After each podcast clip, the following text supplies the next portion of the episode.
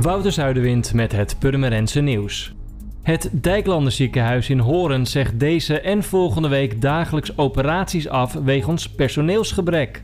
Volgens verschillende bronnen heerst er onvrede onder het personeel op de operatiekamer na de fusie tussen de ziekenhuizen in Horen en Purmerend. De OK in Purmerend is sinds begin dit jaar s'avonds en in het weekend gesloten. Daardoor is het mogelijk de operatiekamer in Horen 24 uur per dag bezet te houden.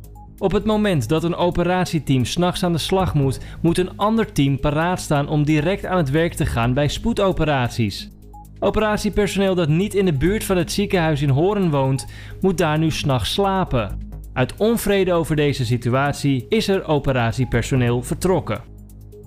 Aanstaande woensdag 8 mei wordt de speel- en activiteitenweide in het opgeknapte Kooimanpark feestelijk geopend door wethouder Eveline Tijmstra.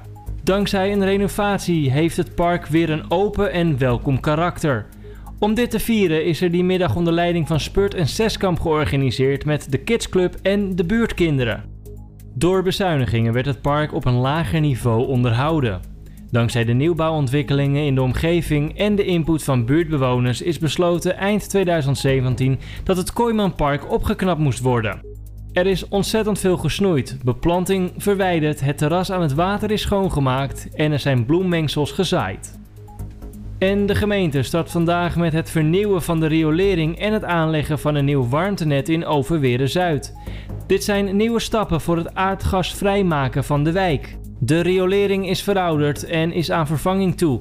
En omdat de straat dan toch open ligt, worden de werkzaamheden gecombineerd met de aanleg van het warmtenet die het gas vervangt. Het uiteindelijke doel is om heel Purmerend aardgasvrij te maken. Voor meer nieuws, kijk of luister je natuurlijk naar RTV Purmerend, volg je onze socials of ga je naar rtvpurmerend.nl.